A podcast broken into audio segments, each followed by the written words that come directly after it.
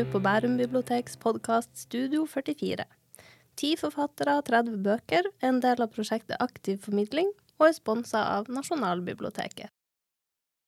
Hjertelig velkommen tilbake til Bærum bibliotek og Studio 44. Jeg heter Vilde Mortensen Storesund, og dagens gjest er Nora Dåsnes. Velkommen. Tusen takk. Vi er så glad for å ha deg her. Vi, eh, du har en fast fanklubb her i Bærum. Ikke bare på biblioteket, men blant lånere også. Det vet jeg. Så vi er veldig glad. Så utrolig koselig. Det er veldig hyggelig å være her. Yay. Eh, du debuterte som forfatter i 2020 med en helt nydelig tegneserie for barn og unge som heter Ti kniver i hjertet. Den vant du både Kulturdepartementets tegneseriepris og Pondusprisen for.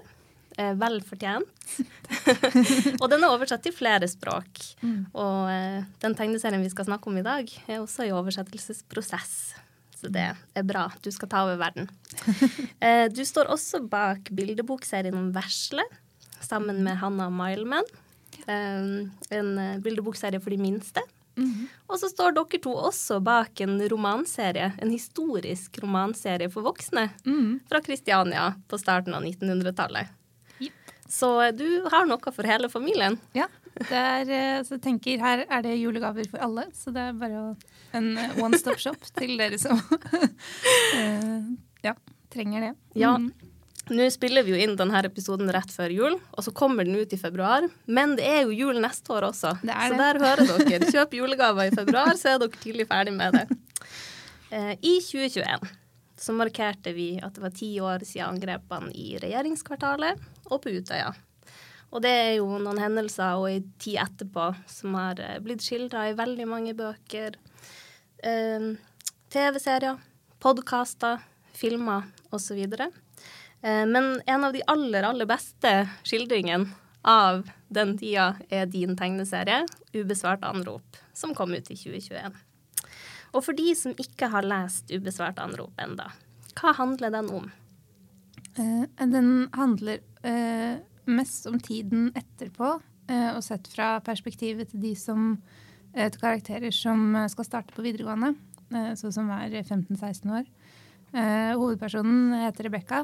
hun har egentlig gleda seg veldig til å få en ny start og komme i gang på byskolen inne i Oslo. Mm. men når hun eh, etter 22. juli så klarer hun på en måte ikke slutte å, å tenke på den dagen. Eh, på hvor hun var, på TV-bildene hun så, eh, på um, røyksøylen fra sentrum. Eh, og hun blir stuck i, i, en, i, de tankene og får det som kommer opp som flashbacks. Mm. Mens hun egentlig prøver å gå videre med livet sitt. Men i tillegg så blir hun veldig bekymra for eh, etter hvert for eh, broren sin, som eh, er litt eldre, sitter mye hjemme. Spiller mye dataspill og blir mer og mer isolert. Og som hun begynner å, å lure på om er samme type person som terroristen. Mm. Mm. Heftig. Ja. Hvorfor valgte du akkurat 22. juli som tema? Det var egentlig Aschehoug forlag som uh, spurte meg først om jeg kunne tenke meg å lage en sakprosabok for ungdom uh, om 22.07. Fordi det finnes jo ikke så mye av det uh, enda. Og de som er 15 nå, de husker jo ikke den dagen sånn som vi gjør det. Uh, de var jo fire-fem. Mm. Um, så, så, jeg begynte egentlig med å prøve å skrive sakprosa, og så fant jeg ut at der var det veldig mye jeg ikke kunne. Jeg har jo ikke noe journalistbakgrunn eller, eller noe sånt. Så jeg ble på en måte, fikk en eh, litt sperre på det, gjorde veldig mye research. Og så ble jeg veldig engstelig for om skal jeg få til dette i tide. Og uh, følte at jeg hadde tatt på meg noe altfor stort og vanskelig. Mm. Og så uh, gjennom den researchen uh, leste en del om hvordan ungdom har reagert på katastrofer i andre land, hvor de har litt mer forskning, spesielt USA, hvor de har hatt mye skoleskytinger, vært mye forskning gjort etter Columbine f.eks. Mm. Som også jo var sånn gjennomdekket eh, av mediene live mens det skjedde. Og, ja. eh, og, med tenåringer som ringte ut fra inne i skolen og sånn. Så det var jo ganske mange paralleller. Mm. Og eh, da var, eh, viste det seg da, i den forskningen at ungdom som ikke var direkte berørt, til og med bodde i andre delstater og ikke hadde noe forhold til den skolen, de mm. fikk eh, sånn PTSD-lignende symptomer i etterkant. Uh, og det var litt ut av det at hun karakteren Rebekka på en måte dukket opp i hodet. Mm. Og så tenkte jeg nå prøver jeg å skrive historien til Rebekka som fiksjon. Og sendte en mail til forlaget og var sånn Er det greit hvis dette blir fiksjon isteden? uh, det var det heldigvis, da. Uh, og så begynte jeg, og da kom liksom hele historien mye lettere. Så mm. da ble det den. Mm. Hvordan tenker du at de skildringene av 22. juli skiller seg fra de mange andre skildringene?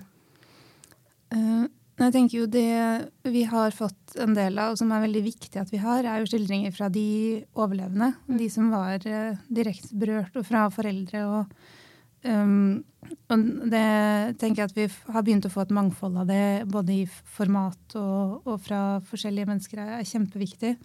Uh, og så har du jo også de mer grundige journalistiske arbeidene, hvor du eh, får mer av faktaene, hva som skjedde, og eh, den nærmeste vi kan få en forklaring. Mm. Men eh, det jeg på en måte tenkte at jeg kunne bidra med, var jo å gå litt inn i den emosjonelle siden av det. Mm. Og den uh, prøve å på en måte preservere litt den hvordan det var for oss som ikke var direkte berørt, og hvordan vi reagerte etterpå, både som individer og litt som samfunn. Mm. Prøve å få bevart noe av den stemninga. For jeg tenker det også er viktig å huske. Mm. Mm. Det syns jeg virkelig du har lyktes med. Um, nå har jo Jeg leste den både da den kom, og så leste jeg den på nytt nå før denne her samtalen. Og den traff meg som ei slegge begge gangene. Og jeg, det kom tilbake så mange minner fra mm. den tida, fordi jeg var heller ikke direkte berørt. Men jeg husker hvordan det var å være i Oslo i de ukene og månedene etterpå. Mm. Og den der mørke skyen som bare hang over alt. Og i resten av landet også, selvfølgelig. Mm. Um, jeg syns virkelig du har lyktes i å fange den uh, fæle, fæle stemninga på en veldig fin måte. Mm. Uh, men tenker du at det at du har uh, lagd denne historien i tegneserieform, tenker du at det har um, tilført noe som du kanskje ikke hadde fått i romanform eller sakprosaform? Ja, eh, jeg tenker jo at jeg får jo litt det ytre blikket som gjør at jeg på en måte får med mer av byen. Mm. Eh, får med bakgrunnen og landskapene som karakterene er i. Og så syns jo jeg mye av det som Rebekka sliter med, og mange av de andre karakterene sliter med i boka, er jo å klare å få uttrykke seg og sette ord på ting. Um, så det er jo ganske mange sekvenser hvor det bare er tegning uh, og mye stillhet. Um, og det uh, er jo noe som tegneseriemedier lar deg jo veksle mellom det å observere og det, det man ser, og, og ordene. Mm. Så jeg syns det var fint å kunne ha det samspillet. Og også det at du får Jeg har jo noen tegninger av en tegning av kongen og en tegning av Jens Stoltenberg. Mm. som jeg jo synes at det å se et bilde på den måten gjør at du på en måte får aktivert minner raskere og på en annen måte enn mm. hvis det bare var tekst. da. Ja, absolutt. Og så har du jo Det er jo gjort noen aktive valg rundt fargepalett også. Kan du si litt mm. om det? Ja, det, som jeg nevnte litt i stad, så får jo Rebekka sånne flashbacks og sterke minner um, fra 22. juli. Og jeg jobba lenge med å finne ut av hvordan skal jeg kommunisere det, i, um, sånn at man skjønner at, uh, hva som er nåtid og hva som er fortid. Mm. Uh, så det meste av boka er i en sånn gråblå Eh, palett. Og så kommer minnene i rødt eh, og bryter. Og, og, det gir jo også en effekt, eh, håper jeg, da, av at de blir jo veldig forstyrrende og veldig voldsomme i forhold til den veldig dempede fargen i, i resten av boka. Som er litt sånn uh, I hvert fall jeg opplever at sånne type minner blir jo veldig sånn eh, kraftige og, og, veldig forstyrrende eh, oppi, oppi en hverdag. da. Så og det er jo sånne grep som uh, man kan gjøre i tegneserier. Som uh, det er veldig fint for meg å kunne benytte meg av. Mm. Ja, det er veldig virkningsfullt. De slår litt ekstra hardt, de her røde rutene. Mm. Og ikke minst det blomsterhavet, som ja. er i full, full blomst. Mm. Masse fine farger. Nå sa du jo at forlaget la litt føringer for Eh, hvem du skulle skrive for. Men hva slags mm. leser så du for deg mens du jobba med ubesvart anrop? Eh, jeg så jo både for meg prøvde å se for meg noen av de eh, tenåringene som jeg kjenner, eh, altså er i slekt med eller har Mm. søsken av, av venner og sånn. Um, og litt både hva de står i nå, for jeg vil jo prøve å gjøre den, uh, gjøre den relevant for dem Uh, med det tenåringslivet som Rebekka har, og de med tanke på at de også nå har stått i en nasjonal katastrofe i to år eh, og skal prøve å være tenåringer mens det er så mye sånn på nyhetene hele tiden. Ja. Um, og så mye frykt. Så jeg tenkte på det, men jeg, jeg jo jeg tenkte jo også på de som altså mine venner og mine klassekamerater fra den tiden, som jeg også snakket med helt i begynnelsen av prosjektet for å prøve å eh, få, finne ut av hvor, hvor var vi og hva tenkte vi. og. Um, for eh, jeg tror jo at det også er en bok som for, både for alle voksne, egentlig, det å tørre å på en måte gå litt tilbake til de minnene og forhåpentligvis da snakke om det med, med folk. Eh, Mm. For vi var jo ikke så gode på det rett etterpå. Um, eh, så jeg håpet jo også at det kunne være en bok som kunne hjelpe til å starte opp igjen litt de samtalene som vi ikke hadde da, men som vi kanskje kan ha nå, i hvert fall. Mm. Ja, det var jo målet helt fra starten av, at vi skulle bli flinkere å snakke om det. Mm. Jeg tenker at det her er eh, definitivt en samtalestarter av ei bok. Um, alle burde lese den, virkelig. Alle voksne og alle ungdom. Og ja, yngre ungdom også, i selskap med en voksen. Mm. Uh, for å få stilt litt spørsmål underveis og Ja. få forklart litt. Um, hva håper du at leseren sitter igjen med etter å ha lest den? Eh, Jeg håper jo at de sitter igjen med eh, håp, selv om det kan være en vond bok å gå inn i eh, pga. tematikken. Eh, men jeg håper at man får litt håp, og eh, at man kanskje føler at man har fått litt mer språk til å snakke om det. Um, at man kan dele den med noen andre, og uh, at man kanskje får løsna litt da, på de tingene som uh, sitter fast. Mm. Har du fått noen henvendelser fra lesere etter at den ble sluppet? Ja, ja, jeg har fått hørt um, Det har vært uh, spesielt fint nå under pandemien å ha, ha Instagram uh, spesielt, da, hvor jeg kan få meldinger fra folk. Og det, så det har vært veldig fint å høre at det har vært um, Selv om det er et tema som uh, er tungt, så at de har fått en At det har vært håpefullt. da. At det Mm. har vært uh, uh, Også det at mange kjenner seg igjen i, i skildringene og, og sånn. Mm. Ja, for det er, jo, eh, det er jo også en historie om å eh, begynne på et nytt stadie i livet. Mm. Starte på videregående og oppleve noe helt nytt. Mm. Den er ganske universell også, sånn sett. Da tror jeg vi kan gå videre til neste, neste bolk på programmet, for du har fått Mhm. hjemmelekse fra Ja. oss. og velge ut tre bøker som vi skal snakke litt mer om. Mm. Eh, og da kan vi jo snakke Eller vi kan starte med den kategorien som er den verste å spørre en forfatter om. det er ganske dårlig gjort å spørre en forfatter om hva slags bok man vil kaste i søpla, men så Mm. får man jo så deilige svar. Uh, har du lyst til å fortelle hva slags bok du har lyst til å kaste i søpla? Ja, eh, det er jo eh, Jeg føler at jeg må virkelig forklare meg på den her. Men jeg hadde alle bøkene i Narnia-serien i bokhylla. Da jeg, var, fikk en sånn samleboks da jeg var liten. Uh, Elska de første bøkene. Og så kom jeg og så leste 'Reisen til det ytterste hav', som er den fjerde. Eh, og jeg vil også si elsket, jeg, jeg elsker jo sjørøverhistorier, så den er jo litt på kanten til å være der. Liksom, de er ute på en båt, og det er en litt sånn odyssé av forskjellige rare øyer de er innom. og eh, Kjempespennende. Uh, og, så, eh, og selv om ikke Peter og Lucy var med, nei, Peter og um, Susan er med i den, så var jo Lucy med. og liksom, eh, men så var det slutten, husker jeg, at det var en av mine sånn virkelig største skuffelser som leser som barn.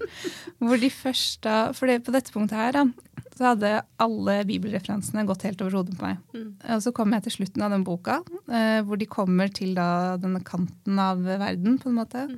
Eh, og der står det et lam, og så blir lammet til en løve. Og jeg husker selv jeg som var ti år omtrent, var litt sånn dette var veldig kjent. Her var det noe som dette, dette har jeg hørt før. Um, og, og, og så, så jeg var jo sånn Oi, Aslan er jo Jesus. Det, det var jeg ikke helt klar på.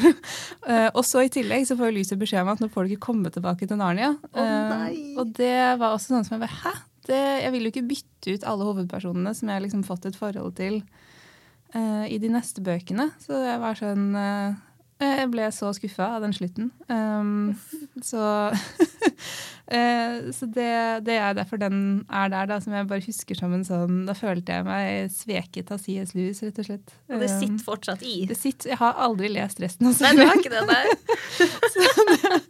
uh, og det er selvfølgelig helt lov å elske Narnia, og jeg dømmer ingen for det. Men bare meg, jeg personlig, som omtrent ti år, ble så veldig skuffet av den boka at det Ja. Altså, det er jo ingenting som er verre enn å bli skuffa av sånne barndomshelter. Mm. Det husker man jo for resten av livet. Uff. Ja, nei, jeg tror aldri jeg kom så langt i Narnia-serien. Mm. Men det fikk jeg nesten litt lyst å bare starte fra starten og ja. lese dit, bare for å kjenne litt på det sjøl. Mm. Jeg syns jo hele resten av den boka er kjempekul, så er jo, den er jo verdt å lese. Mm. Og så får man heller kjenne, føle på det man føler når man kommer til slutten. og det høres litt sånn Pirates of the Caribbean møter Narnia ut, ja, nesten. Det er litt det, altså. Veldig Ja. Men uh, jeg skulle jo ønske at han ikke hadde skrevet den som en, uh, som en barnebibel, da, som jeg senere fant ut at var intensjonen med det. Så, ja, mm. ikke sant. Ja, nei, men det, det, husker jeg sjøl. Jeg skjønte ikke før jeg var voksen at mm. det, det, var noen referanser der mm. uh, som var sneket inn på lurt vis. Men har du lest resten av serien på nytt etter det? Altså fram til bok fem? Eh, ja, det tror jeg. Jeg, jo, jeg, er veldig fan av den første boka også, som egentlig ikke har uh, Pevensey-barna i seg. Mm. Uh, men som er veldig sånn eh, mystisk og litt skummel. Uh, sånn, det er jo alltid veldig gøy når du finner en barnebok som virker som den egentlig er litt for skummel for barn. Mm. Eh, hun heksa er veldig skummel i den første, husker jeg. Men det er da han eh, vet ikke om Hvis du har sett filmen, eller noe, men det er jo han professoren i Det gamle huset mm. som barn. Eh, som er oh, den ja. første boka. Mm. Eh, og hvordan de Det er jo han da som bygger det skapet til slutt, som de går gjennom i bok to. Ok, mm. ja, nei, Jeg skjønner at jeg må ta et lite gjensyn med Narnia. Mm. Det har jeg ikke fått med meg. Eh, skal vi gå videre til uh, neste kategori, som er guilty ja. pleasure? Det er jo litt lettere å snakke om, heldigvis. Um, jo, sånn guilty pleasure har jeg jo Jeg jo, har jo ikke noe skyldfølelse for noe jeg konsumerer av media, egentlig. For jeg måtte eh, Som du sa, da, så har jeg og Hanna skrevet eh, en sånn romanserie mm. eh, som jo er litt sånn Det har jo veldig lav status i litteraturverden. Selv om jeg synes det er en både kjempemorsom kategori å skrive i og Uh, uh, også en helt en veldig koselig og ålreit ting å lese. Mm. Um, så, men når jeg tenkte på På engelsk er det et uttrykk som er 'comfort reads'. Ja. Så sånn du går til når du bare vil ha liksom, Det skal være hyggelig og det skal være lett å lese. Og, mm. så en bok jeg leste nylig da, da er jeg veldig glad i, i fantasy. Mm. Så, og sånn type amerikansk sånn young adult-sjangeren. For det, er liksom, det glir så greit ned, og det er yes. spennende. og Eh, så det er en bok som heter 'Six of Crows' av eh, Lee Bardugo, som jeg leste for noen år siden. Og den var bare sånn eh, Den bare slukte. Ganske tjukk bok. Og så er det to bøker i en serie. Og det er da en sånn, heis, sånn heist plott. Så det er en sånn gjeng med tyver som skal klare å bryte seg inn og få liksom kidnappet ut da, en, en fyr fra et sånn høysikkerhetsfengsel mm. i en fantasyverden.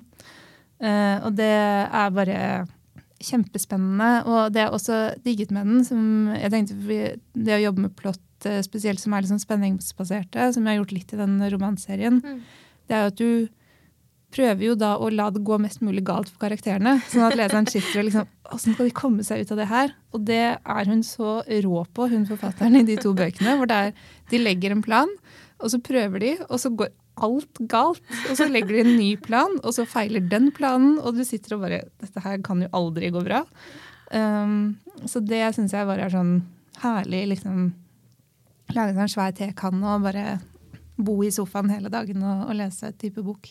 Men er det humor også i boka, da? Ja, de har veldig bra kjemi med karakterene. Mm. Så det er liksom eh, mye sånn morsom dialog og den har jo også, som er veldig digg med å lese nyere fantasy, at det er jo eh, kvinnekarakterer som er eh, mer ordentlige, og det er Mm. skeive karakterer i den, og det er liksom Uh, Som også er veldig digg, når man, uh, at man får det i feel good-bøkene sine. Mm. Mm. Jeg leste um, Jeg bare leste så vidt om den før du kom. Og da var det noen som nevnte Game of Thrones, men det tror jeg var med tanke på hvor mange karakterer det er. Mm. At det er veldig mange, mange som er med her. Stemmer det? Er det et stort persongalleri?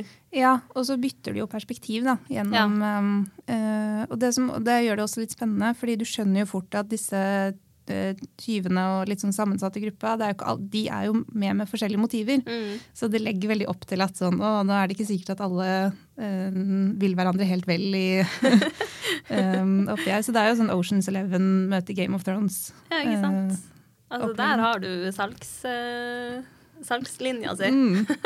Jeg vet at vi har hatt mye venteliste på den forfatteren her, så jeg har skjønt at det er noe jeg kanskje burde lese sjøl Mm. etter hvert. Ja, for de har jo laga en Netflix-serie av de første bøkene i oh, ja. det universet, da. Eh, som også er uh, også er helt greie, men jeg syns hun liksom eh, eh, var enda bedre i de eh, i Six of Crows, da. Ja. Det var eh, litt mindre klassisk eh, sånn The Chosen One-fantasy, og mer bare gøy, eh, gøy gjeng med tyver på tur. Det er litt deilig når det for en gangs skyld ikke er en som er the chosen one. Mm. At alle faktisk har en rolle å spille. Absolutt, ja. Da går vi videre til den siste, og ja Hyggeligste kategorien, egentlig. Ei bok som Mm. du elsker med hele ditt hjerte. Det, det er jo flere av de, så um, da måtte jeg også tenke litt, faktisk. Men um, eh, jeg tenkte på en måte som også er litt relevant til, eh, til ubesvart anrop, og litt sånn litterære forbilder med det å skildre enkeltmennesker i katastrofer. Uh, så husker jeg leste uh, 'Vredens druer', eller 'Grapes of Wrath', av John Steinbeck uh, under flyktningkrisen eh, i Europa da krigen i Syria virkelig begynte å gå dårlig. Og det var så eh, Den parallellen mellom eh, den amerikanske eh, Og dette var jo da en eh, flyktningkrise som var internt i USA på 30-tallet, da du hadde det svære børskrakket, og som førte til at veldig mange mistet hjemmene sine, for de hadde jo lån på dem. Eh, og du hadde dårlige avlinger som kom på toppen av det i disse Dust Bowl-statene, som de kalte det. Fra liksom indre Virkelig sånn indre Indre ytre små, småsteder. Uh, og så alle disse som da pakker med seg det de har av eiendeler og prøver å komme seg til California for å få jobb. Og når de først kommer dit, så blir de jo både diskriminert, og du får det problemet med at alle byr, underbyr hverandre på arbeidspris. Så ingen- ender opp med å få ordentlig betalt eh, for å drive og være sesongarbeider og plukke frukt. Og, uh, så det er en sånn svær humanitær krise. Eh, og den skildringen av hvor umenneskelig gjort de blir av eh, eh, spesielt middelklassen, som ikke syns noe om disse folka som kommer og snakker rar dialekt. og Ja. den er veldig sterk, og også den familien som man følger, og de karakterene som man blir veldig glad i, og, og som det jo ikke går så bra med alle sammen. Um, eh, så jeg syns det at han klarte å både skildre liksom eh, størrelsen av katastrofen, og, og at man fikk en veldig god forståelse av, av problemet, men at du samtidig fikk de enkeltskjebnene og karakterer som føles som ekte mennesker, og ikke bare er sånne eh, sånn eksempelperson, som Ja. man ofte får i bøker som prøver å være sånn eh, om samtiden, eller liksom om et problem. Da. Eh, det syns jeg er så Ja, syns jeg er en helt sånn egen evne som Steinbeck har, og i de andre bøker jeg har lest han også. Men det var den første, så det er den som sitter liksom mest, eh, mest i hjertet da, Ja. etterpå. Er det sånn at du kommer tilbake til den med jevne mellomrom og leser den på nytt? Ja, i hvert fall seksjoner av det. For jeg syns jo også språket hans er jo helt uh, fantastisk. Mm. Så den, um, de skildringene av landskapet og er bare sånn ja, Kan bare sitte og lese og forsvinne liksom helt inn i den verdenen. Så du har rett og slett blitt litt inspirert av han? Ja, veldig. Mm. Mm.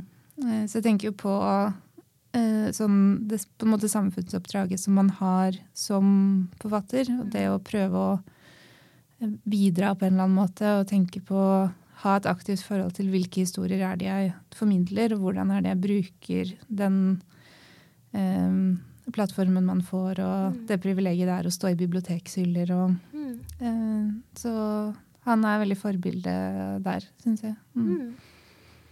Det skjønner jeg godt. Mm. En grunn til at han regnes som en av de store. Mm.